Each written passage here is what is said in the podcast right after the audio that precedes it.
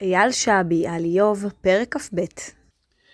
מה שמתרחש במרומים, דברים לכבוד פרק כ"ב בספר איוב.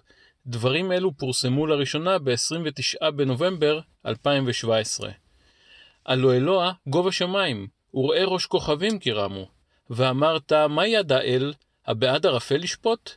אבים סתר לו ולא יראה, וחוג שמיים יתהלך. הפרשנים השונים מכוונים לכך שאליפז התימני אומר פסוקים אלו באירוניה כלפי איוב.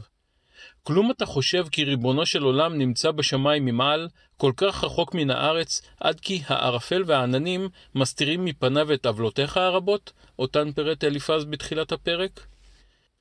מתוך הנחה כי כולנו מסכימים כי האשמותיו של אליפז אינן מחוברות לקרקע המציאות בלשון המעטה, אני מרשה לעצמי להפוך את כיוון הפסוקים, ולטעון כי אנחנו, היושבים על הארץ, עדיין לא מסוגלים להבין לגמרי את המתרחש במרומים. לא, לא בהקשר מובן מאליו של הבנת הנהגתו של הקדוש ברוך הוא בעולמנו. כלומר, אני מזדהה עם אמירה זו, אבל לא בזאת אתמקד. היום אני פושט את מדי חיל האוויר, אחרי למעלה מ-24 שנות שירות.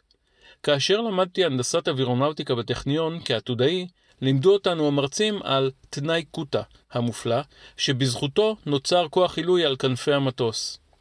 עם כל הכבוד למרצים ולאדון קוטה, ולמרות ארבע שנות הלימודים הארוכות בטכניון ו-24 שנים בחיל האוויר, בכל פעם שאני רואה מטוס נוסעים גדול ממדים בשמיים, אני משוכנע שאני עד לנס בהתגלמותו.